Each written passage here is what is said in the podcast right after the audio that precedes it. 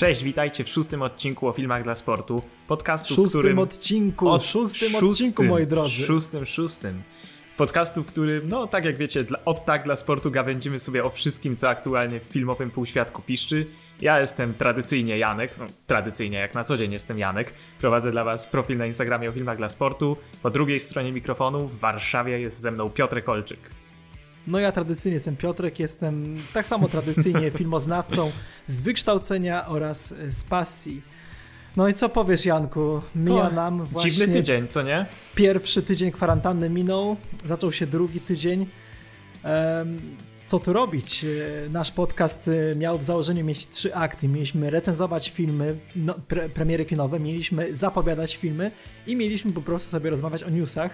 E, Już tydzień temu A e, tutaj troszkę klops. zmieniliśmy formułę. No właśnie. Już tydzień temu formuła e, dostała na głowę koronę. A tym razem, dzisiaj w szóstym odcinku będzie jeszcze inaczej, bo drodzy słuchacze, dzisiaj będziemy mieli tylko dwa akty.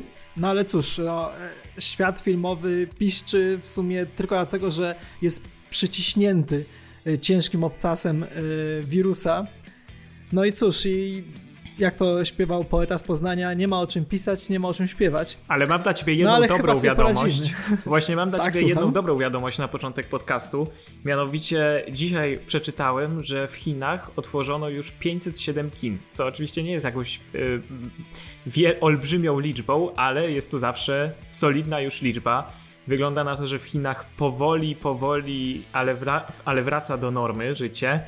E, No i miejmy nadzieję, że y, zarówno Chiny, jak i cały świat y, uniknie drugiej fali zachorowań, prawda? Która zawsze może Miejmy się nadzieję, pojawić. No ale za te 507 kin to zawsze taka, taki, taka optymistyczna liczba na start. Trzymamy kciuki, żeby u nas otworzyli e, co najmniej tyle samo kin w takim razie. Tak jest. No to co, słuchajcie, em, skupimy się dzisiaj na bardzo ciekawych premierach, e, bo to będą premiery głównie, no dlaczego by nie, streamingowe, dlatego e, oddam teraz głos Jankowi, a sam zapowiem nasz e, akt pierwszy, recenzję w dobie wirusa. Można myślę śmiało powiedzieć, że platformy streamingowe wzięły nas trochę z zaskoczenia.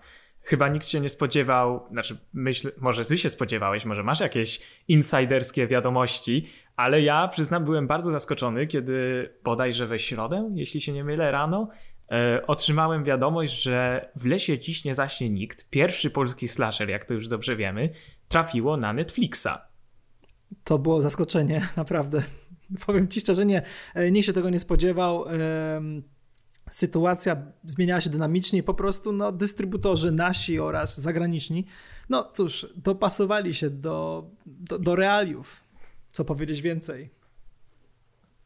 No tak, no i co powiedzieć więcej? No właśnie, no obejrzałem ten film, który ty już miałeś okazję zobaczyć na pokazie prasowym, jeszcze zanim W kinie? w kinie, no właśnie, co to w ogóle, co to jest kino? No właśnie, co to jest? Ja naprawdę mam wrażenie, że byłem w tym kinie bardzo dawno temu, a to było zaledwie dwa dni przed zamknięciem kin. To było, wiesz co, to było praktycznie tydzień temu. Aż y, dziwnie, dwa tygodnie temu, naprawdę y, bardzo dziwnie to się wspomina. Jakby zupełnie inny świat, inna rzeczywistość. No to powiedz mi, Janku, no obejrzałeś tego slashera naszego polskiego na y, siłą rzeczy małym ekranie. No i cieka- ciekawe mnie bardzo twoje odczucia. Wiesz co, no moje odczucia są takie, hmm, powiem tak, cieszę się, że ten film powstał, bądź co bądź, ponieważ no myślę, że zawsze jest to jakiś tam, ale zawsze krok do przodu, jeśli chodzi o rozwój, no wiadomo, kina gatunkowego na polskim podwórku, które ma się różnie, jak wiemy, a któremu myślę obydwoje też kibicujemy z całego serca, żeby się rozwijało jak najprężniej. No ale nie zmienia to jednak faktu, że kurczę, ten film no, no nie zachwycił mnie jednak. No co tu dużo mówić. No jest to No rzecz to- niezwykle odtwórcza i, i wydaje mi się, że z tego co wysyłałeś mi już pewne wiadomości, że masz podobne zdanie na ten temat, że jest to kurczę... Owszem, tak. no takie- Strasznie wtórna takie rzecz, puste. bardzo wtórna, pusta, wtórna właściwie wydmuszka, która jest, okej, jest spoko hołdem dla slashera. Ja może powtórzę taki bonmot, który powiedziałem bodajże dwa tygodnie temu, że slasher to jest taki gatunek, który się zaszlachtował sam siebie dwie dekady temu, a tymczasem Polacy właśnie zrobili pierwszego swojego rodzimego slasherka. Naprawdę w lesie dzisiaj zaśnie nikt jest filmem kompetentnym, ale on jest potwornie, przerażająco wręcz wtórny nie, nie daje nic od siebie i, i po prostu cholernie pusty. Powiedz mi, bo ostatnio gadaliśmy, Janek, że ty nie masz jakiegoś wielkiego doświadczenia w horrorach, ale nawet ty, rozumiem, uważasz, że w sumie ale to już było, tak? No tak, no tak jak mówiłem, ja nadrobiłem całą masę tych kultowych slasherów i co mnie podczas seansu w lesie dziś najbardziej, w lesie dziś najbardziej nikt, w lesie dziś nie zaśnie nikt, co mnie najbardziej podczas seansu tego filmu bolało, to to, że praktycznie w ogóle nie czułem tutaj żadnego napięcia tak naprawdę. Przez różne decyzje fabularne miałem wrażenie, że to napięcie było, tutaj użyję twojego wyrażenia, po prostu zaszlachtowane już praktycznie na samym początku. E, ja tutaj nie czułem ani trochę, wiesz, ani trochę nie odczułem gęsiej skórki na plecach. Nie było tutaj żadnego, wiesz, pola na plot twisty. To wszystko szło jak po prostu jakiś film wypluty przez najprostszy algorytm slasherowy.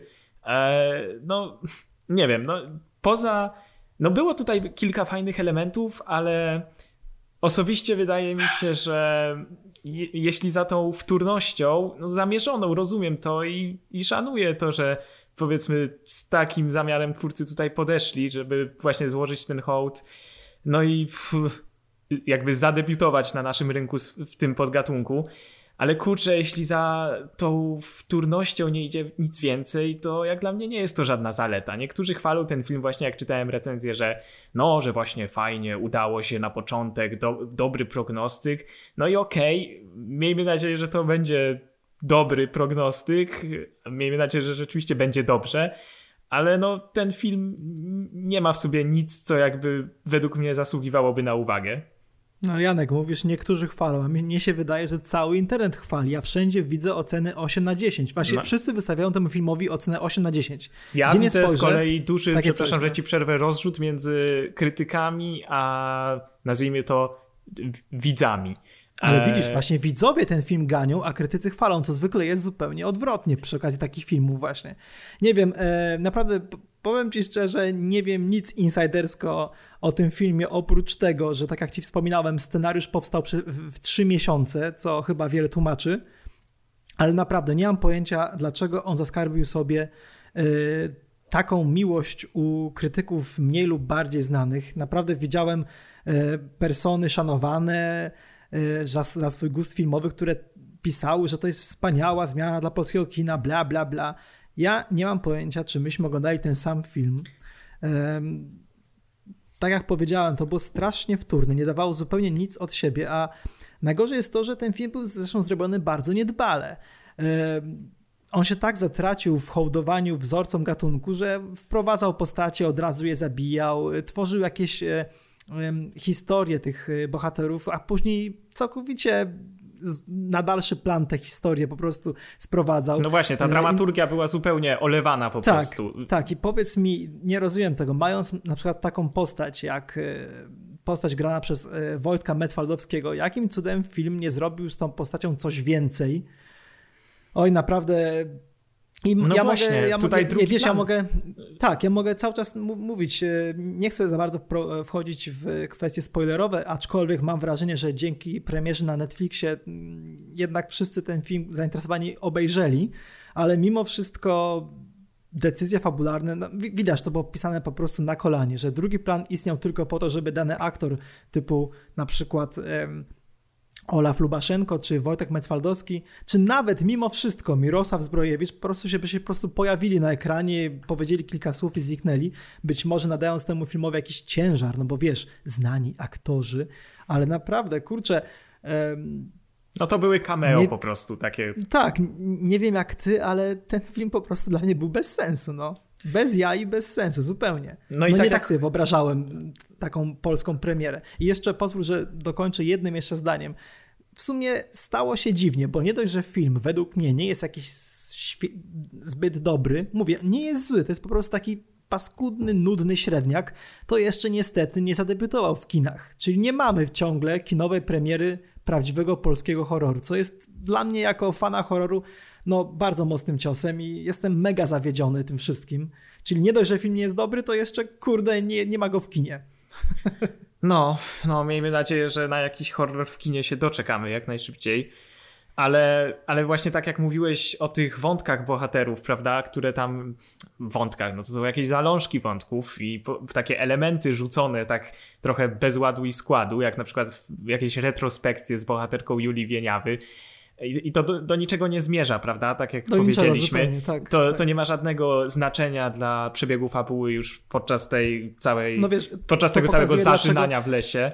To pokazuje, dlaczego Wieniawa ma jedną minę przez cały film. No cóż, cóż powiedzieć. Ale, ale właśnie też e, jedna rzecz, która mi się tutaj nie, może, no nie no, nie podobała i według mnie zupełnie nie pasowała tutaj to były takie komentarze społeczne, które no wiadomo, komentarze społeczne są istotną częścią ogólnie sztuki, a tutaj one były tak wyrwane z kontekstu, tak nienaturalnie w ogóle wplecione w ten cały scenariusz, no, no jakoś to zupełnie mnie dekoncentrowało, szczerze mówiąc. No właśnie, przypomniałeś mi o roli Piotra Cyrwusa jako księdza. Po prostu też totalny kuriozum, chyba stworzone po prostu dlatego, że aktor był dostępny, wystąpił w krótkometrażówce reżysera i chyba stwierdzili, że zróbmy coś razem jeszcze raz. Naprawdę, no film wyraźnie pisany na kolanie, ale wiesz co, Janek, chciałbym mimo wszystko go pochwalić. Na przykład za to, że, że za, e, oczywiście za efekty specjalne. No przyznasz chyba sam, że te wszystkie krwawe ochłapy, jak już były na ekranie, bo wbrew pozorom nie było ich aż tak dużo, to były zrobione naprawdę nieźle. Tak, były, były solidne. Tutaj myślę nie ma, nie ma do czego jakby się przyczepiać. Także muzyka Jimka mi nawet podeszła, podeszła do gustu. O tak, to troszkę na, na, Tak, troszkę mnie irytowała na początku, ale był tam taki motyw, który naprawdę mi się podobał i z chęcią mhm. y, bym go posłuchał jeszcze raz. Powiem ci, że sytuacja tak. jest analogiczna co do, uwaga, uwaga, wracam do naszych początków, do no. Zenka, w którym także był bardzo fajny motyw y, syntezatorowy grany i no, nijak mam szansę posłuchać go jeszcze raz, więc mam nadzieję, że y, Jimek wyda Zgadzam się piosenki. z tym, że, że dźwięk i muzyka w sensie. były tak. najlepszym tak. elementem tego, tego filmu, zdecydowanie. I, ta, I ten soundtrack był bardzo konsekwentny i według mnie on najlepiej ze wszystkich elementów filmu budował jakikolwiek no, klimat no, Janek, tak naprawdę. On był pomysłowy, on był no pomysłowy, właśnie, tak. on, na, on, naprawdę nie powtarzał wzorców gatunku, mhm. zupełnie. Nie był prostą melodyjką w stylu Carpentera, nie był zapętlonym y, dźwiękiem jak na przykład w Piątku 13, tylko po prostu mm, Jimek zaprezentował nam taki dziwny mariaż y, perkusjonaliów, okazjonalnego uderzenia syntezatorów i niepokojących dźwięków. Naprawdę powiem Ci szczerze, to był naprawdę, to jest, to jest naprawdę niezła ścieżka dźwiękowa. No ja podczas Tylko szkoda, też, że w słabym filmie. No. Też naprawdę, no od razu wpadła w ucho ta muzyka, nie da się ukryć. Słuchaj, a zadaliśmy na Insta Stories e, pytania do naszych słuchaczy I dwa pytania, e, które się, znaczy, e, zadaliśmy pytania, zachęciliśmy do zadawania pytań naszych słuchaczy. Zadaliśmy e... pytanie, czy chcieliby nam zadać pytanie po prostu. Tak jest. I, tyle. I pytania zostały zadane. Przepraszam. O, świetnie. Jest piąta. e... Drugi tydzień wirusa, kwarantanny, tak jest. jest piąta. Kor koronawirus mutuje. No nic, ale dwa pytania, które otrzymaliśmy dotyczą właśnie e, tego filmu W lesie dziś nie zaśnie nikt. I A, chciałbym ci jedno z tych pytań już teraz zadać. E, mianowicie Wojtalino zapytał nas, co uważacie o roli Julii Wieniawy? Ty już coś tutaj e, powiedziałeś tak, na ten temat. Tak. Znaczy ja powiem tak, drogi Wojtalino, e, powiem ci szczerze, miło było mi oglądać e, Julię e, w takiej wersji nieumalowanej, niewylaszczonej, bo pokazuje to, że taką, takie bardziej ludzkie oblicze. Ale mimo wszystko, kurczę, chciałem jej bohaterkę polubić, ja rozumiem trochę ten jej story arc i, i, tak dalej, ale no nie, no nie można zagrać takiej roli na jednej minie, no. Ja, ja nawet, jeśli scenariusz próbuje na siłę nam wcisnąć, że to będzie Sarah Connor, czyli powiedzmy osoba krucha, delikatna, która nagle dostaje powera i zaczyna wszystkich rozwalać. Ja nie odczułem tak tego, szczerze mówiąc. No jest to jednak Julia Wieniawa, nie mogę odmówić jej urody, ale nie jestem pewien, czy chcę rozmawiać o jej talencie aktorskim. A co ty A, uważasz? Wiesz co, Janeczku? ja akurat tutaj się nie do końca z tobą zgodzę, ponieważ w moich oczach i w moim odczuciu Julia Wieniawa jest jednym z bardziej pozytywnych elementów tego filmu. Wydaje mi się, że ta jedna mina, o której mówisz, e, była była, że tak powiem, dość mobilna i, i tutaj, no nie wiem, ja tutaj dostrzegłem wiele takich fajnych ekspresji właśnie. Fajne jest to, że przez pierwszy pół filmu ona tak naprawdę praktycznie nic nie mówi i ta postać jest taka trochę enigmatyczna. O tak, o tak, to jest e, to dobre, jest, przyznam bez bicia, to jest dobre, tak. To jest naprawdę taki, takie fajne wprowadzenie tej postaci, długie wprowadzenie, ale właśnie efektowne e, i efektywne zarazem. No i mi się wydaje, że właśnie jej relacja z, relacja jej bohaterki z, z Julkiem, którego grał Michał Lupa, e, naprawdę ma tutaj w sobie coś takiego ludzkiego i angażującego i szczerze mówiąc sceny z ich udziałem oglądało mi się naprawdę fajnie, w dużej mierze właśnie ze względu na to, jak, e, jak oni zagrali. I ja tutaj nie za bardzo rozumiem tę krytykę. Oczywiście ją akceptuję i szanuję, ale, ale w moim no, odczuciu oni naprawdę, wy, oni naprawdę wypadli bardzo solidnie i myślę zasługują na słowa Słuchaj, pochwały. Zwłaszcza, że oni mi, tak, się, no. mi się wydaje, że Julia Wieniawa też e, fajnie, że wybrała taką rolę, żeby trochę zerwać z tym wizerunkiem, który czy słusznie, czy niesłusznie, ale jednak, e, ale jednak ma. No mi się wydaje, że ona potrafi dokonać trochę takiej odważnej decyzji, jeśli chodzi o rolę i, i cieszę się, że tutaj zagrała i mam nadzieję po prostu, że nie będzie uciekać dalej do komedii romantycznych, tylko z odwagą będzie szukać właśnie wyzwań w innych gatunkach, tak jak teraz właśnie w Lesie dziś nie zacznie nikt. No to słuchaj, okej, okay, no kibicuję dziewczynie, może po prostu film był na tyle słaby, że po prostu nie uwierzyłem jej bohaterce bo rzeczywiście jakoś tak bardzo mnie nie, nie irytowała, nie, nie denerwowała mnie, ale jednak no wolałbym zobaczyć kogoś znaczy na pewno jej wątek roli, był ale, zupełnie znaczy, no tak, no zajechany no po drodze, ale, myślę. ale ona sama wypadła według mnie bardzo okej. Okay. Klisza na kliszy, kliszą pogania. Ja bardzo lubię, kiedy szczególnie kobiety na ekranie niby kruche istoty dostają takiego mega powera i to jest fajne, ale nawet ten wątek był nie do końca wykorzystany. Dlatego kończąc powiem tak, od Julii wolę Julka tak jak wspominałeś, czyli Michała Lupę, który świetnie zagrał takiego nerda i to była naprawdę fajna, pocieszna rola, chociaż każdy chyba wiedział, dokąd ta rola prowadzi. Zresztą to Oj, jest taki tak. film, każdy wie, każdy wie w tym filmie, dokąd co prowadzi, yy, aczkolwiek końcówka mnie mega zawiodła, była szybka, urwana, ale dobra, nie o końcówce mowa. Yy, jakieś tam jeszcze podobno pytanie było. Tak jest. W Q&A. Tak, drugie pytanie zadał matiofficial.pl czy myślicie, że polskie produkcje typu W lesie dziś nie zaśnie nikt mają szansę bytu? No i jak Mati myślisz Official, po tym no, seansie? No, oczywiście, że mają rację bytu. Kurczę, przecież to, przecież tak jak już wcześniej gadaliśmy, Polacy kręcili horrory i mam nadzieję, że będą je kręcić. Nie rozumiem trochę pytania o rację bytu. A co? Yy, co na przykład, yy, czy filmy science fiction nie mają racji bytu w polskim kinie? Też mają i też je kręciliśmy. Nawet takie filmy bardzo popularne jak Sex Misja, przecież to jest totalne science fiction, tylko że komediowe.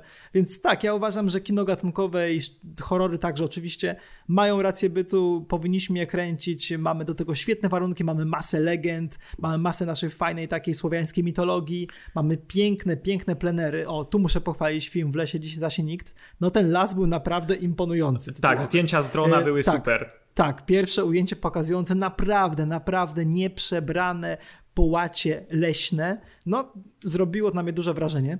Więc y, nie wiem jak ty Janek, ale ja, ja uważam, że tak. No ja y, też Te filmy zdecydowanie się bez... zgadzam. Właśnie, właśnie. Zwłaszcza, że mamy wielu utalentowanych twórców, o których też y, mówiliśmy w poprzednich odcinkach. Między innymi Jagoda, Jagoda Szelc, właśnie. Oczywiście. Tutaj obydwoje się zawsze jej kłaniamy, bo jest to królowa polskiego kina obecnie, ale no cóż, no, ja uważam, że jak najbardziej mają takie filmy rację bytu i mam nadzieję, że będą je kręcić, ale też nie czuję potrzeby, wiesz, takiego na siłę chwalenia w lesie dziś nie zaśnie nikt na zasadzie, żeby producenci dostrzegli. Fajnie, że ten film powstał, ale to nie jest film, który zasługuje na jakieś super pochwały. Po prostu miejmy nadzieję, że faktycznie będzie jeszcze sporo polskich twórców, którzy nie będą się, że tak powiem, zamykali w takich polsko-kinematograficznych kliszach. I dostaną więcej niż 3 miesiące na zrobienie filmu. Tarararara. No A tyle, tyle trwało, tyle robili? Tyle się dziś nie zaśmieli? Nie, śmieję się, po prostu chodzi o ten scenariusz. Mi się wydaje, naprawdę, że nawet no. krócej kręcili. Nie, nie, mówię o, mówię o pisaniu scenariusza. Hmm. Nie wiem, nie wiem, czy w trzy miesiące można było naprawdę napisać coś, co mogłoby kon konkurować z takimi najlepszymi przedstawicielami gatunku. Jeśli no, ten scenariusz cóż, pisali w trzy miesiące, to, to, szczerze mówiąc dziwię się, że tak długo taki scenariusz powstawał. Widzisz, no. Widzisz. Nie Może chcę być niemiły, nad, ale... Nad komentarzem społecznym myśleli w takim razie, no. wiesz, po prostu. To co, to może teraz, uwaga, będzie coś super tekst, może teraz y, przejdziemy naprzód? Naprzód. No właśnie, naprzód, ponieważ y, jednym z filmów, które zadebiutowały na VOD w minionym tygodniu jest nowy film Pixara. To też była no zaskakująca Ciekawe jak decyzja. ktoś go obejrzał, naprawdę. Ciekawe jak ktoś go obejrzał w Polsce. No Bardzo właśnie, mnie to interesuje. No właśnie sam jestem trochę zaskoczony, ponieważ kupiłem go na amerykańskim iTunesie, e, po czym się okazuje, że nie wiem, tego filmu na polskim iTunesie chyba jeszcze nie ma. E, no więc no, nie wiem jak to się stało, szczerze mówiąc, ale, ale, ale z czystym sumieniem zapłaciłem i nie, nie, nie ma tutaj jakby. Nie mam powodów, żeby być na siebie złym. O, w ten sposób po polsku powiem. to było, czy po angielsku? Jak to, to obejrzałem? Obejrzałem w oryginale, więc to mnie też bardzo cieszyło, że miałem taką możliwość, więc od razu ustawiłem właśnie, e, żeby film leciał po angielsku z Tomem Hollandem i Chrisem Prattem w rolach głównych. E, proszę, więc tutaj proszę. taki Marvelowy duet, prawda? No, no i tak. cóż, ty ten film widziałeś już w kinie, prawda? Już w kinie, tak, jeszcze ja go. Ja go, ja go widziałem jeszcze w kinie, e, Boże, w poprzednim życiu, czyli jakieś trzy tygodnie temu. No właśnie. E, widziałem go z polskim dubbingiem oczywiście, więc tutaj możemy też porozmawiać na ten temat chwilę. E, ja chyba i wcześniej ci mówiłem, że film naprawdę przypadł do gustu i tak powiem w szybkim skrócie, uważam go za taką drugą półkę od góry, jeśli chodzi o film Pixara, czyli jest to kino bardzo dobre, ale niewybitne. Mhm. No ja się z tym w sumie zgadzam. Po obejrzeniu też mi się wydaje, że nie sądzę, aby ten film zyskał status kultowego z czasem, tak jak właśnie seria Toy Story, czy też nie wiem, i nie ma mocni, prawda?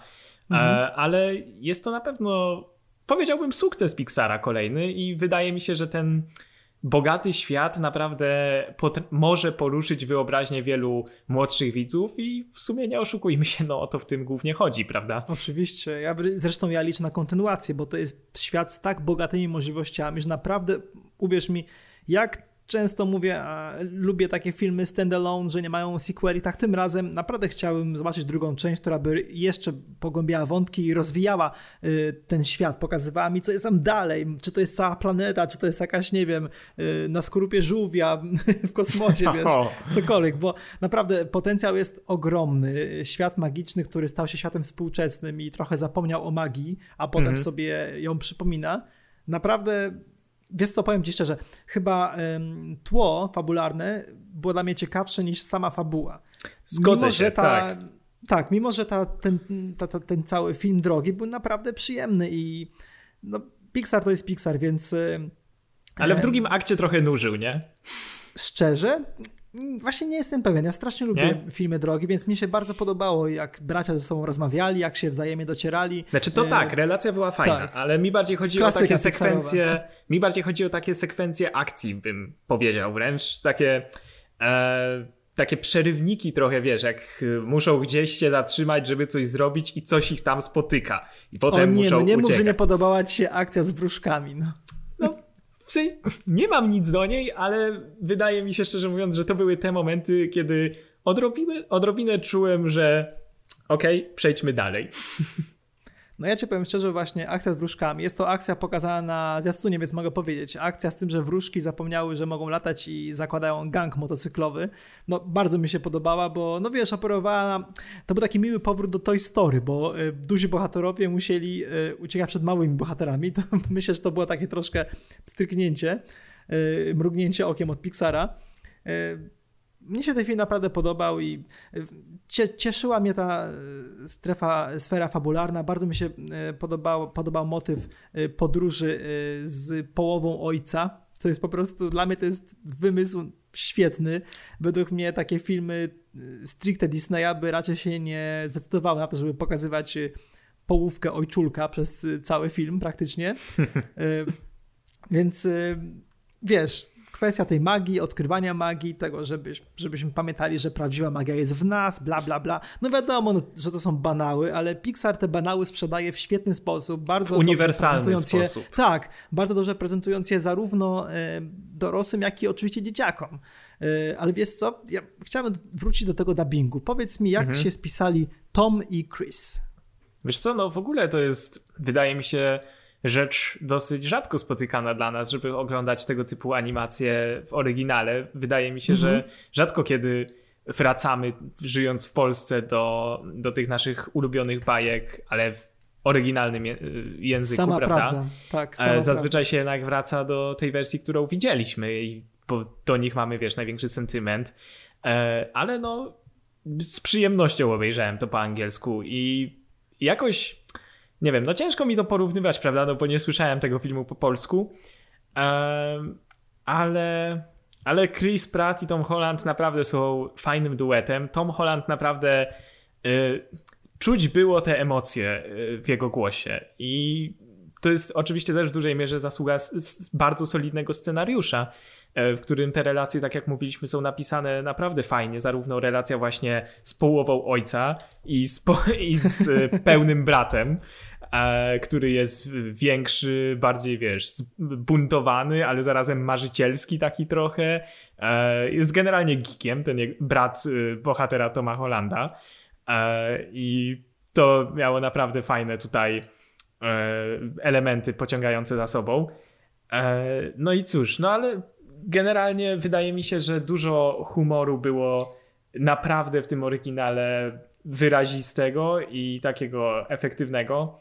E, no nie wiem, a ty czułeś podczas oglądania po polsku, że coś tutaj nie grało? Coś tutaj. Nie, nie, nie, oczywiście nie, wiadomo, no to jest, to jest, to jest Disney, to jest Pixar i polski dubbing zawsze wiadomo, że jest najwyższej jakości. Ja no właśnie, właśnie chciałem bardzo pochwalić. Zawsze, bo... zawsze mówimy, że jest lepszy od oryginału, prawda? Tak, tak, tak.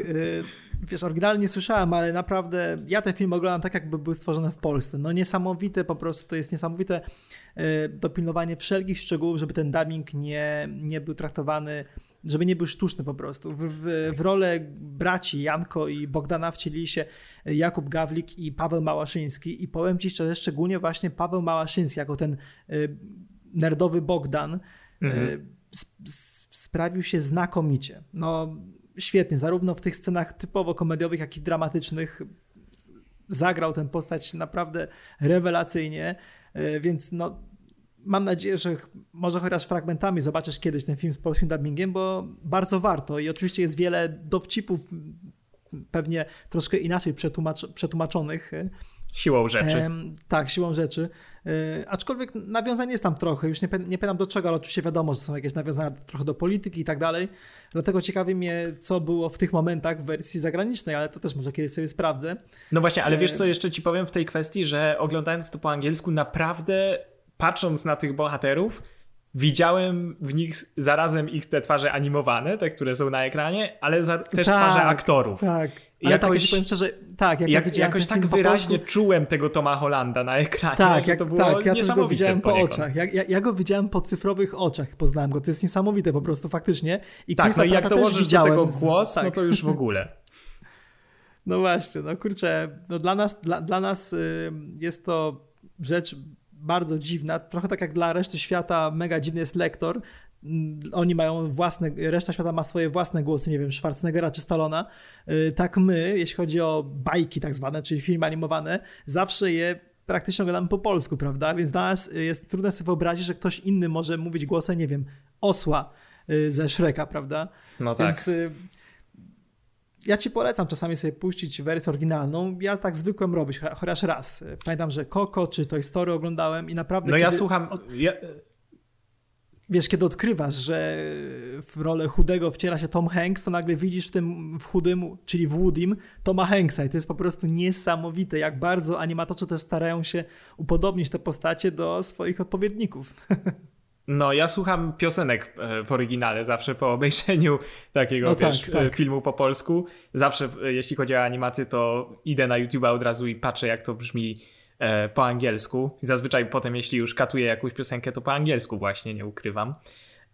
ja powiem, no, że jeśli chodzi, wiesz, Kraina Lodu 2 nie pasowało mi coś w polskim dubbingu. Chyba mhm. głosy były zbyt, zbyt piskliwe. Ale tłumaczenie pasowa... piosenek w ogóle było rozjechane Tak, jakieś. tak. I nie, właśnie nie pasowało mi w tych piosenkach. I potem posłuchałem w oryginale i wow, jakie to są dobre numery. No ale no na właśnie. szczęście w, w naprzód nie ma piosenek. I co mnie bardzo cieszyło, że tam nie ma jakichś nagle spontanicznych, muzykalowych elementów. Dobra piosenka nie jest zła, ale tutaj faktycznie wiem, nie były wiem, potrzebne. Wiem. Ale naprawdę fajnie jest obejrzeć dwugodzinną dwugodzinny, dobry, wysokobudżetowy film animowany, który nie ucieka się po prostu do pioseneczek, wiesz, i do momentów typowo kierowanych dla do młodszego widza, który czasami po prostu potrzebuje to sobie pośpiewać. Tak jest. no jest to po prostu bardzo fajny film przygodowy z mega solidnie e, nabudowaną mitologią, prawda? I jeszcze zaznaczę tutaj z wieloma fajnymi easter eggami, między innymi do Indiany Jonesa. Po prostu tam ostatnia krucjata to jest, no, tak, mocno tak. się inspirowali. Ale wiesz co, nie tylko Indiana Jones, wyobraź sobie, że tutaj wyjdą moje y, nerdowskie klimaty. No, jest, taka, jest taka scena pod koniec, kiedy jest taka powiedzmy trochę element takiej epickiej walki. Skojarzyło mi się to bardzo z taką kultową grą y, Shadow of the Colossus, w którym główny bohater musi wspinać się, dzierżąc miecz w dłoni, wspina się na wielkie potwory, żeby uderzać w ich czułe punkty. Więc naprawdę skojarzyło mi się to mega. Jestem pewien, że twórcy się troszeczkę zainspirowali tym klasykiem y, z PlayStation 2. Zresztą niedawno dostępnym także na PlayStation 4. I tutaj koniec reklamy sprzętu Sony. No i już mamy podcast sponsorowany. Właśnie, i już pieniądze lecą. No wiesz, jakoś musimy sobie radzić w dobie kryzysu, prawda? No, no właśnie, dokładnie. Powiem ci jeszcze jedno.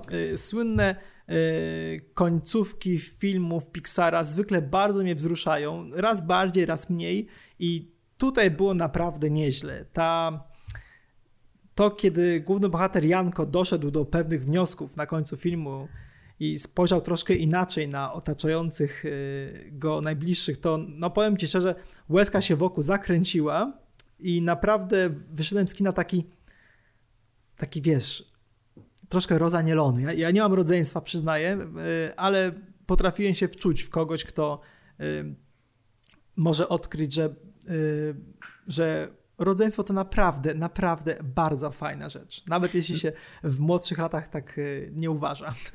No i tutaj trzeba, wydaje mi się, że ten finał ma też w sobie taki trochę twist wręcz, prawda? Owszem, ma, tak. tak I tak, tak. tutaj oczywiście nie będziemy mówić nic więcej, ale, ale to było naprawdę, no naprawdę poruszające wręcz. No właśnie. O, zaraz będziemy płakać, to może słuchaj, to mam propozycję. Dzisiaj tak jest odcinek troszkę inny, to e, przejdźmy może od razu do aktu trzeciego, w którym e, odpowiemy na e, pytania naszych widzów. Co ty na to? Bo zaraz się rozpaczymy po prostu i będzie, wiesz, afera. Czuję, że będziemy zaraz płakać, ale z innych powodów. Serio? O matko, no dobrze. No to Jedziemy. w takim razie niech będzie akt trzeci. Q&A. Powiedziałem, że zaraz będziemy płakać, ale z innych powodów. I takim powodem jest może nie samo pytanie, ale to, o czym będziemy musieli zaraz rozmawiać. O Boże, Bowiem, nie strasz mnie, tylko powiedz wprost, bo już się, już się denerwuję. No. Nasz słuchacz, kinomaniak Kamil, zadał pytanie. Najgorszy film, jaki w życiu widzieliście? O jest. No, to teraz wiesz. O Boże, ale to jest strasznie trudne pytanie, naprawdę. Cienie przeszłości temat, wracają. O matko, to jest temat rzeka, słuchaj. No właśnie, temat rzeka. No i ja nie ukrywam, że po przeczytaniu tego pytania od razu zaglądnąłem na, swojego film, na swoje konto na Filmwebie. E, wszedłem w opcję, e, żeby sobie wyszukać konkretne oceny. I wyszukałem sobie moje oceny 1 na 10. No i jest tam trochę kwiatków, muszę przyznać. no to nie, to, to dawaj, co tam, co tam przygotowałeś? Hmm. Wybrać jeden jest ciężko, powiem szczerze, i nie podejmuję się tego patrząc na tę listę, e, ale myślę, że te osiem filmów zebranych razem stanowi po prostu jakiś jeden wielki horror mojej filmowej przygody. No ale dobra, powiedzmy tak, e, podzieliłem to na jakby trzy sekcje. E, pierwsza to jest animacja, druga zagraniczny i trzeci polski. E, I zauważyłem, że jestem chyba najbardziej krytyczny wobec kina polskiego jednak. Oj, oj, oj, oj. No więc tak, jeśli chodzi o animację, tutaj mam emotki. Nie wiem, czy miałeś nieprzyjemność widzieć ten film. Uwaga, przyznaję się, nie widziałem tego filmu i nie mam zamiaru go oglądać. Alleluja. Jesteś, no. jesteś dopuszczony do niebios w takim razie. Jezu, dziękuję, dziękuję bardzo. Jest to straszny film. Jest to straszny film pod względem treści. Wiesz, tutaj emotki kupy są jednymi z bohaterów. Na szczęście chyba jakichś tam epizodycznych, ale to już mówi wiele. Patrick Stewart podkładał głos kupie, to jest ciekawie, ciekawe, ale nie, nie chcę już o tym więcej mówić. Tak, e, no i nic, no ale nie chce mi się nawet, szczerze mówiąc, jakoś rozgadywać na temat tego filmu, ale powiem jedno, ten film był po prostu straszny, jeśli chodzi o morał. To jest, wiesz, animacja, na której pamiętam podczas seansu były, wiesz, rodziny z małymi dziećmi, a tutaj morał dostajesz praktycznie taki, że relacje naprawiają się poprzez pisanie SMS-ów. Nie, to był centralnie morał. I już pomijam, wiesz, humor, narrację, scenariusz. Po prostu ja w trzecim akcie odpadłem, zarówno intelektualnie, jak i emocjonalnie. Y, naprawdę nogi mi już przebierały, żeby wyjść z kina, no ale wytrwałem. Nigdy jeszcze nie wyszedłem z kina. E, no i myślę, że jak na tym filmie nie wyszedłem, to, na, to wytrwam zawsze. O, aż mnie boli, jak wspominam. No właśnie, to ja, jaki ja ty masz tutaj tak. film? Muszę, od, muszę ochłonąć. E, to ja, ja, ja trochę może powiem inaczej, jak to ja.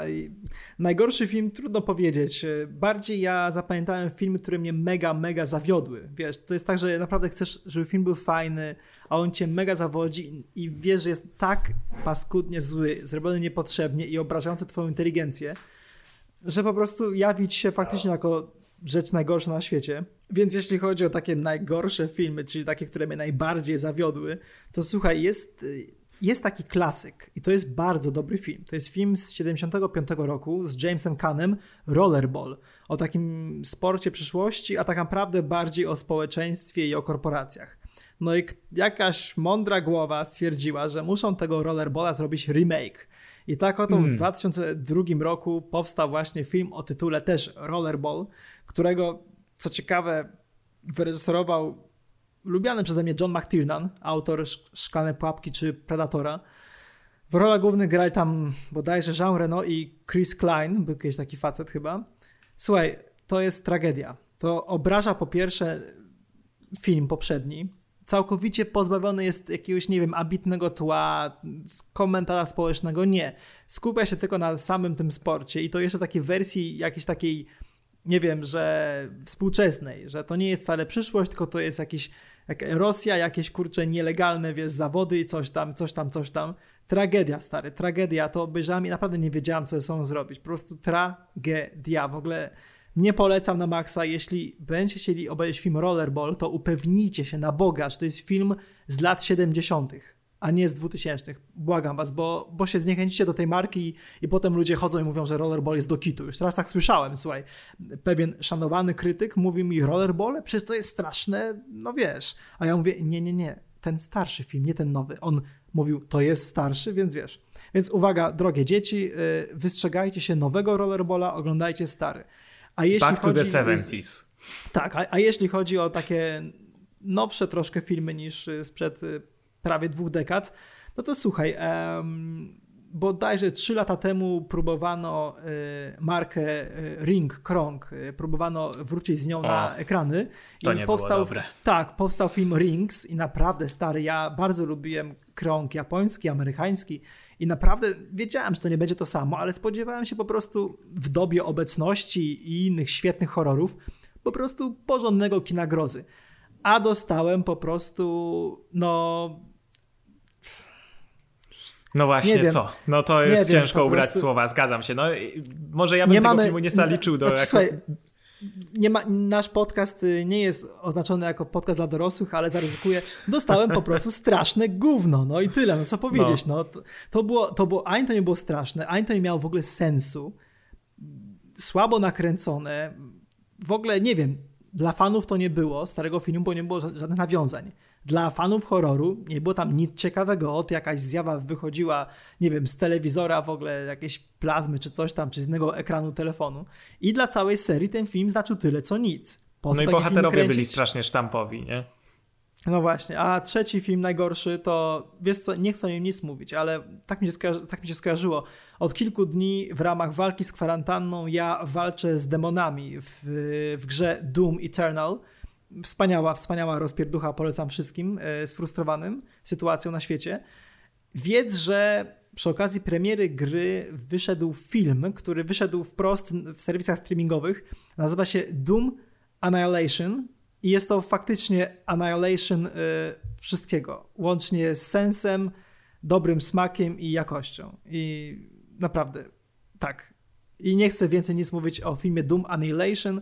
Już lepiej, żebyście obejrzeli tego starego Duma, którego chwaliłem kilka odcinków temu, bo to jest naprawdę fajny film. A o nowym filmie, y, jakim filmie? Nie wiem, o czym mówiłem. Janek, o czym mówiłem? Nie, nie pamiętam. Nie wiem, nie Czy... wiem, jaki film. Przejdźmy do wychodzi... kolejnego pytania, tak. Ale jeszcze ja tutaj chcę do, dopowiedzieć. Aha, aha, dobrze, dobrze, dobrze. Bo ja tutaj jeszcze miałem opowiedzieć o filmie zagranicznym i filmie polskim. A, to e, przepraszam, oczywiście. To ci... Galerii Niesławy. Skoro musimy ciągle być po kolana w tych ekskrementach, no dobrze, niech ci będzie, to powiedz no mi jeszcze w takim razie. W pełni rozumiem, że chciałeś już uciec od tego, tak, ale, tak. ale dokończę. No Jeśli dobra, chodzi dobra. o film zagraniczny, to z niechlubną oceną 1 na 10 skończył u mnie film Szczęki 4.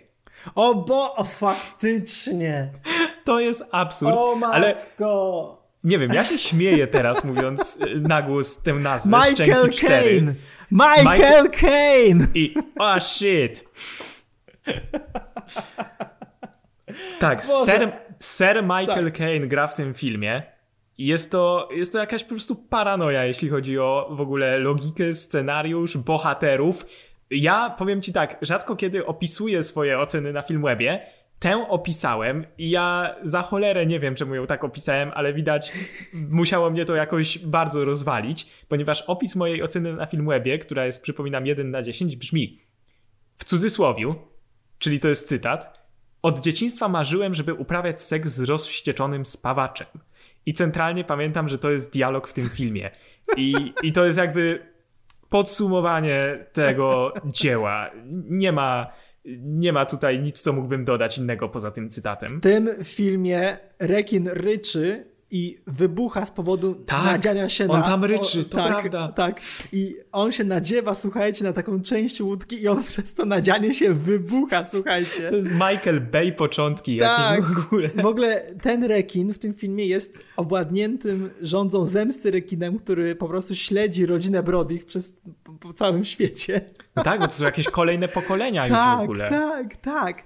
No i, ale myślę, że myślę, że w sumie taki Michael Caine nie musi się martwić. Sam przyznała wielokrotnie, że dzięki temu filmowi kupił sobie dom, więc... Ale wiesz, co jeszcze mówiąc, przyznał? No. no. P jeszcze poza tym przyznał kilka lat temu, że tego filmu w ogóle nie widział na dodatek. ja mu się wcale nie dziwię, słuchaj. Myślę, że myślę, że znajomi powiedzieli mu Michael, nie, nie, naprawdę, nie warto. Michael, dla zdrowia, nie rób sobie tego już. Po prostu, no. Ale no kurde, i... jakiś porządny rebootik Szczęk bym obejrzał, wiesz, tak żeby to było pod marką Szczęki, żeby coś wymyślili takiego fajnego, wiesz. Chciał, chciałbym zobaczyć film, y, oczywiście R-rated, żeby tam trochę krwi było. Y, chciałbym film o rekinie nowy z serii Szczęki zobaczyć. Zupełnie nowy serio teraz, autentycznie. Mieliśmy niedawno film o rekinie, przecież Jason Statham w The Meg ja mówię o filmie pod marką Szczęki, oczywiście. No tak, ale. To, to, to, ma być Szczęki 5, nie wiem, powrót, whatever, albo Szczęki po prostu i niech zrobi to jakiś y, solidny reżyser, niech zrobi z tego fajny dreszczowiec. Y, niech to będzie taki niewidzialny człowiek na oceanie. O. Oj, ja nie wiem, czy się pod tym podpisuję, szczerze poleciałem. Wolę chyba, poleciałem już, tak. Wolę chyba zostać przy oryginalnych szczękach Johnie Williamsie z jego dwoma nutami i Oscarem mm-hmm. I nie, mhm. może nie wracajmy do tego. Ale jeśli chodzi o kino polskie i moje. Hmm, I moje tutaj demony, to Twoje powiem boje. tak. Wymienię teraz kilka tytułów i szczerze mówiąc, myślę, możemy przejść dalej. No dajesz. Jest to tak. Kacwawa. Oła! Botox. O Boże. Smoleńsk. O Jezus. Jak poślubić milionera? No!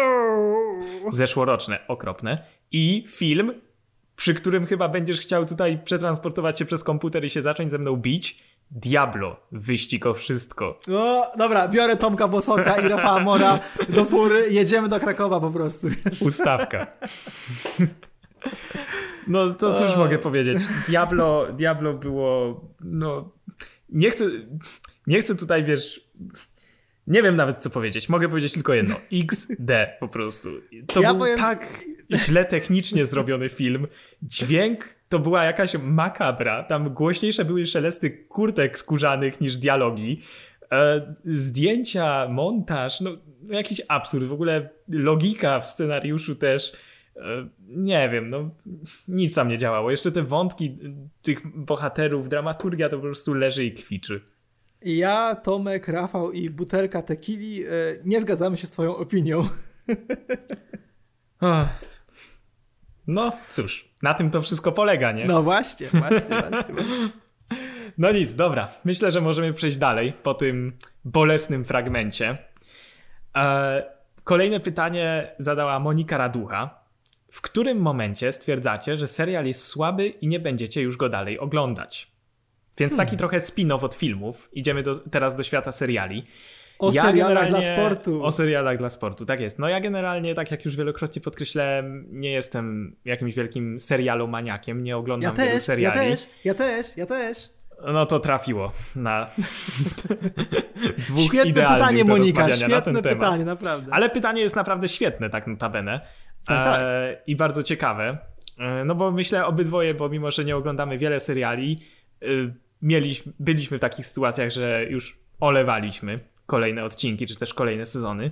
No i powiedz, jaki serial zalicza się do tego typu u ciebie?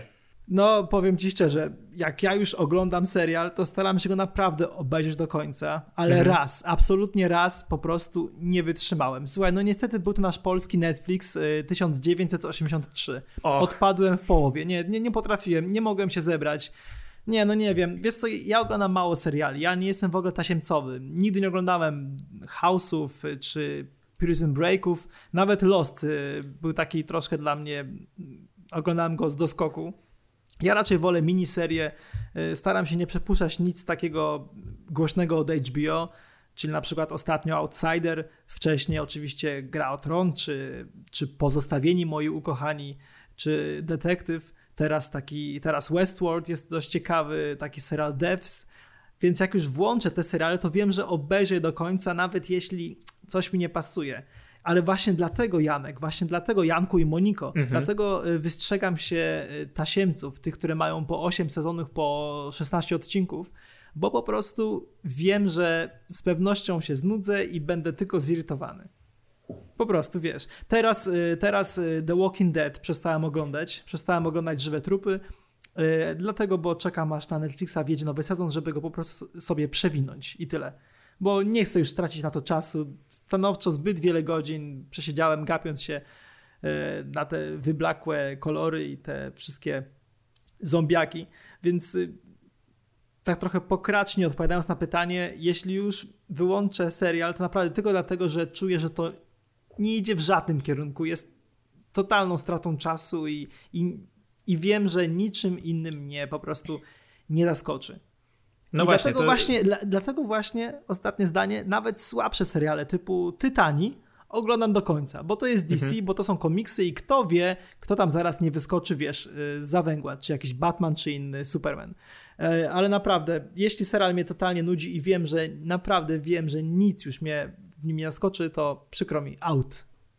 No właśnie, wydaje mi się, że takim przełomowym momentem tutaj są te już kolejne odcinki, kiedy wyraźnie zaczynasz czuć, że że ten serial traci charakter, prawda? To, że to już wiadomo, serial, jak i każda forma ciągnącej się sztuki, no, powinien w pewien sposób ewoluować, prawda? I rozwijać tak. się, ale jednak takie, takie DNA często zdarza się chyba, że seriale tracą w trakcie. E, I no jednym z tego typu seriali, wydaje mi się, no jest The Walking Dead wspomniany przez ciebie, Żywe no, Trupy, tak, tak. z którym ja też miałem do czynienia, że tak powiem i obejrzałem z przyjemnością naprawdę dużą, y, kilka pierwszych sezonów. E, już nie wiem dokładnie na etapie którego sezonu odpadłem, ale to było, znaczy dosyć późno, tak szczerze mówiąc, odpadłem, bo to było po, już po tym, jak pojawił się Negan i jak już Ach, tutaj tak. użył swojego baseballa. E, I to był, to był naprawdę dobry odcinek, notabene. To był jakiś taki chyba ostatni, że tak powiem, podryk tego żywego trupa. No ale tak, no ale potem odpadłem. Ten, ten serial się zupełnie rozjechał. Już e, był tak monotonny, tak nużący. Aktorzy przecież zaczęli w ogóle odchodzić od niego też już. Andrew Lincoln, e, potem w ogóle wiesz, na YouTubie oglądałem fragmenty, jak to odszedł Andrew Lincoln. Teraz, e, teraz z kolei słyszałem, że będzie żegnać się z serialem Dana Iguera, tak, e, tak, która, tak, tak, która gra mi Sean e, no bo ona trochę się filmowo zaczę zaczęła też e, rozwijać, w Black Panther grała, prawda? No i, no i cóż, no, jeśli chodzi o serial, który wspomniałeś, wymieniłeś na początku, 1983, no to, to była ciężka przeprawa. Obejrzałem go na Netflixie tylko dlatego, że było hasełko pierwszy polski serial Netflixa, prawda? No i, i szczerze mówiąc, nie wiem jakim cudem wytrwałem. No, było to bardzo nużące i takie flegmatyczne. E, serialem, które Dwa seriale, które tak zostawiłem w trakcie e, też, to były Gotham e, oraz 13 powodów. E, wydaje mi się, że pierwszy sezon 13 powodów, nie wiem czy oglądałeś? Nie oglądałem. Nie oglądałeś, ale no na pewno kojarzysz koncept, no Kojarzę, bo było tak, głośno o, tym, chodzi, o tak, tym tak. serialu, prawda? Katrin Langford, notabene fenomenalna Katrin Langford. Jasne, jasne. E, tam gra główną rolę w e, pierwszym sezonie, Hanny Baker e, która popełnia samobójstwo i zostawia 13 taśm. Spoiler! E, spoiler. Znaczy, spoiler, to jest trzy, pierwsze 30 sekund serialu, ale, ale powiedzmy, że spoiler. E, no ale cóż, no. Pierwsze dwa sezony obejrzałem. Pierwszy sezon według mnie stanowił naprawdę taką solidnie opowiedzianą historię ku przestrodze. E, tak to podsumujmy. E, w drugi sezon miał jeszcze takie elementy, powiedzmy, takiego radzenia sobie z przeszłością i to taką, wiesz, wcale niedaleką przeszłością. E, no i, i szczerze mówiąc, wątki zostały tam domknięte. To, co mnie w tym serialu interesowało, zostało, wiesz, miało zgrabną klamrę. E, bohaterowie jakby zatrzymali się na takim etapie, że już nie czułem potrzeby do jakby oglądania dalej ich przygód. E, no i po tym, co słyszałem na temat trzeciego sezonu, to szczerze mówiąc nie żałuję i nie mam absolutnie chęci tego nadrabiać. Mhm. E, Gotham, nie wiem, czy widziałeś. Widziałem i jestem fanem. I zanim Jesteś... powiesz, to jest właśnie no. przykład tego serialu, którym ja oglądam, bo po prostu jest tak szalony, że ja nie wiem, co wyskoczy w kolejnym odcinku. Po prostu. No właśnie, to, to szaleństwo jest w nim czymś. Ja, ja chyba obejrzałem, wydaje mi się, trzy sezony. E, I na początku mi się ten serial bardzo podobał ze względu na taki trochę taki przyziemny klimat, taki detektywistyczny, prawda? Bo tam mamy mhm. młodego Jima Gordona, tak. który, który jednak naprawdę jest takim, wiesz, detektywem w tym podłym, brudnym świecie. E, no i to szaleństwo, co mówisz, tobie się podoba, mi też się podoba, ale w tym momencie wydaje mi się, że to jednak zaszło trochę za daleko i było w tym więcej takiego szaleństwa na siłę niż fabuły. Mhm. E, i, I to mnie trochę zniechęciło. Troszkę mówiąc. tak, ale powiesz, bo oni odkryli, że widzowie nie chcieli oglądać takiego procedurala z Gordonem mhm. ro, rozprawiającym się z jakimiś nieznanymi kryminalistami w Gotham. Oni chcieli znanych złoczyńców, oni chcieli klimaty z Batmana i kiedy ten serial właśnie złapał, około właśnie trzeciego sezonu, kiedy on złapał ten flow, to potem po prostu stary, co tam się później dzieje, co tam Cameron Monaghan wyprawia w podwójne roli jako taki proto-Joker, co tam się w ogóle dzieje w tle. Nie, mówię ci serio, e, czasami myślę, że mógłbyś obejrzeć na przykład ostatni odcinek w ogóle, serio, ostatni odcinek, włącz sobie na Netflixie ostatni, ostatni, ostatni odcinek, nie musisz w ogóle wiedzieć, nic, co, się, co się działo wcześniej. Mhm. E, tam to jest po skoku czasowym i naprawdę poczujesz to, że gdyby powstał film w klimacie Gotham, to mielibyśmy do, do czynienia z takim kiczowatym Batmanem dla dorosłych. Naprawdę. No jest, jest to bardzo kiczowate właśnie i wydaje mi się, że no trochę, trochę za dużo tutaj, znaczy tak jak mówisz, no znaleźli formułę po prostu, żeby stawiać na te jednak easter eggi masowo, nie? Tak. No, ale, ale trzeba przyznać, że Cameron Monahan był świetny w tym serialu. Jezu, on był mniej więcej, po prostu. Mniej więcej kojarzę, co on tam wyprawia w kolejnych sezonach, których nie widziałem, ponieważ jakby nadrabiałem sobie jego twórczość przy okazji y, tam premiery tej nowej gry z Gwiezdnych Wojen, w której on gra główną rolę. E, no więc y, wiem, co on tam jakby szaleńczego e, wyprawia. Mhm. No ale właśnie, no tak jak mówimy, no wydaje mi się, że po prostu ja osobiście przestaję oglądać serial, kiedy czuję, że to nie jest już to, co mnie na początku w nim zainteresowało. Te motywy tematyczne jakby przepadają na rzecz czegoś zupełnie innego, co, co jest, wiesz, zmieniane tak naprawdę z nadzieją, że zwiększy się liczba widzów. Tak jak tutaj, wiesz, kolejne znane twarze złoczyńców z Batmana, czy jakichś tam tak, właśnie tak, innych postaci tak. piątoplanowych, które mają, wiesz, przyciągnąć jak najwięcej fandomu, Jasne, a nie właśnie. zaciekawić y, zwykłych widzów, e, niezaznajomionych szczególnie z tym światem, którzy tak naprawdę chcieliby zobaczyć po prostu naprawdę dobrze opowiedzianą historię. Według mnie w tym szaleństwie jest metoda właśnie i dlatego obejrzałem go tam do końca. No, ale szczerze mówiąc, zerknę sobie, czym to się kończy. A zobacz sobie. I ciekawe. Zakładam, że, zakładam, że czymś tam z Batmanem. No, może, może. No, no ale cóż. E, no dobra, no to myślę, możemy przejść do kolejnego, ostatniego już pytania. E, Sub Bartek pyta nas, przedstawcie składowe oceny końcowej. Jest to, wydaje mi się, trudne pytanie, ponieważ U. ogólnie ocena filmu liczbowa, według mnie to jest rzecz, która trochę ubija wszelkiego rodzaju rozmowy na Zgadzam temat się w 100%. Sztuki. Tak, I... zgadzam się w 100%. Tak, no i ja wystawiam te oceny na Filmwebie swoim prywatnym, no po prostu dla swojej przyjemności i na zasadzie takiego trochę bardziej katalogowania filmów, które obejrzałem, prawda? E, ale, ale jeśli chodzi o same oceny, no to wydaje mi się, kurczę, że, że trochę ludzie jednak zbyt sprowadzają dyskusję do właśnie ile dałeś, prawda, a nie co tak, myślisz. I trochę tak. to jest bolesne. Dlatego bardzo mi się podoba opcja w ogóle nie dawania ocen, jest taki na przykład y, portal Polygon. Oni w ogóle dają ocen. To jest świetne. Po prostu musisz przeczytać recenzję i musisz zrozumieć, o co chodziło recenzentowi. Ja także w swoich recenzjach zwykłem nie stawiać ocen i dopiero niestety prośba od serwisu Mediakrytyk sprawiła, że no, zacząłem te oceny tak troszkę zirytowany wystawiać, bo bez tych ocen no, nie pojawiłbym się w rankingu tam. Y, no tak ale normalnie ja też wolę, o wiele bardziej wolę pisać bez ocen, a jeśli oceniam, to odpowiadając na pytanie naszego słuchacza, jeśli oceniam to szczerze mówiąc, no nie chcę sobie tam teraz sam teraz kopać y, grobu, ale nie jest to dzieło przypadku, ale skupiam się na takich na dwójkach, czyli jest dziesiątka to w ogóle jest cudo, ósemka to jest bardzo dobre, szóstka jest niezłe, czwórka jest no powiedzmy nie, nie zawiodą mnie, dwójka to nie wiem, jedna dobra scena, a jedynka to już to jest tragedia. I raczej nie myślę, co jest w środku, co jest, co, czy to jest 7,5, czy to jest 8 i 3 czwarte, mhm. wiesz.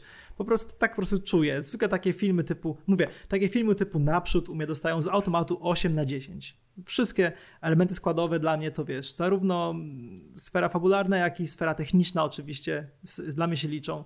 Y, ale jeśli ten film nie sprawił, że nie wiem, że byłem mega poruszony, to po prostu wiesz, no, nie, nie mam, nie wiem, bardzo mnie ciekawe jak na to patrzysz, ponieważ na swoim profilu y, umieszasz oceny, są one bardzo wyeksponowane y, na tak. zdjęciach, więc ciekawi mnie jak ty na to patrzysz i jak decydujesz na przykład, że tego się nie daruje. No, nowa Gojira ma 6 na 10, a jakiś tam według mnie o wiele gorszy film i film, który skrytykowaliśmy też dajesz mu 6 na 10. I o co tu chodzi? Jakim cudem?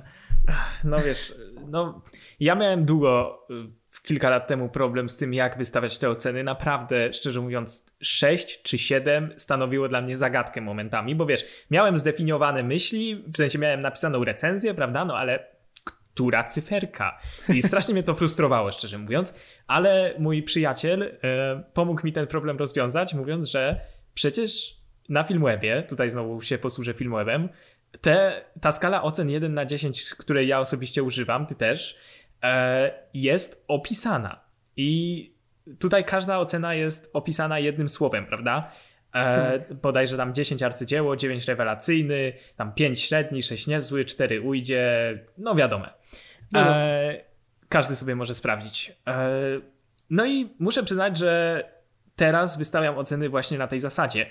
Jeśli uważam, że film był niezły, ale nie powiedziałbym, że dobry, no to daję 6 niezły. I jest to szczerze mówiąc bardzo duże ułatwienie pod tym względem dla mnie i zazwyczaj wystawiam oceny naprawdę no wolę się przespać ale nie mam wątpliwości raczej. To takie jedno słowo podsumowania, czasami trudne, prawda, do sobie zdefiniowania w głowie, ale jednak się pojawia prędzej czy później i wtedy już nie mam wątpliwości, którą cyferkę tutaj wystawić. Ale powiedz mi, bo było właśnie pytanie o elementy składowe i mnie ciekawi, czy ty na przykład doceniasz to, że Godzilla, e, Król Potworów był fenomenalny technicznie, miał świetne efekty specjalne i bardzo mhm. ładnie e, hołdował klasykom z wytwórni Toho czy mimo wszystko nie i uważasz, że zasłużył tylko na 6 na 10?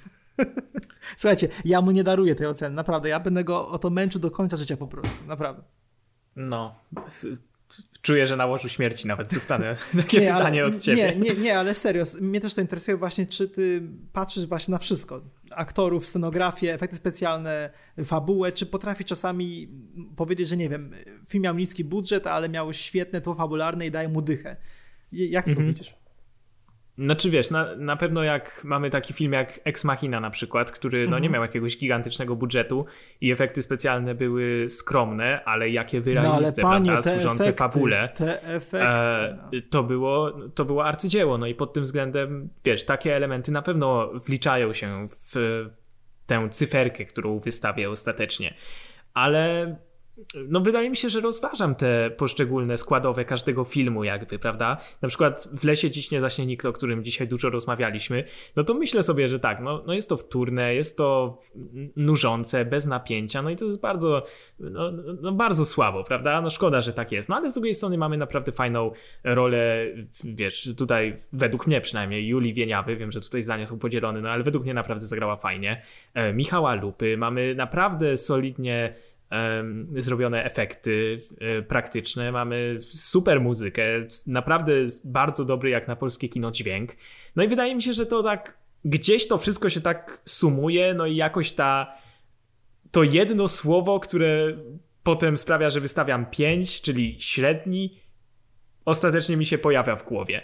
Ale szczerze mówiąc, nie umiem powiedzieć, żebym tu miał jakiś specjalny proces. No po prostu myślę o tym, co widziałem E, rozważam to, na co twórcy tutaj chcieli zwrócić uwagę, na to, na co może nie chcieli czasami też zwrócić uwagi, prawda, widza. No i jakoś to właśnie tak.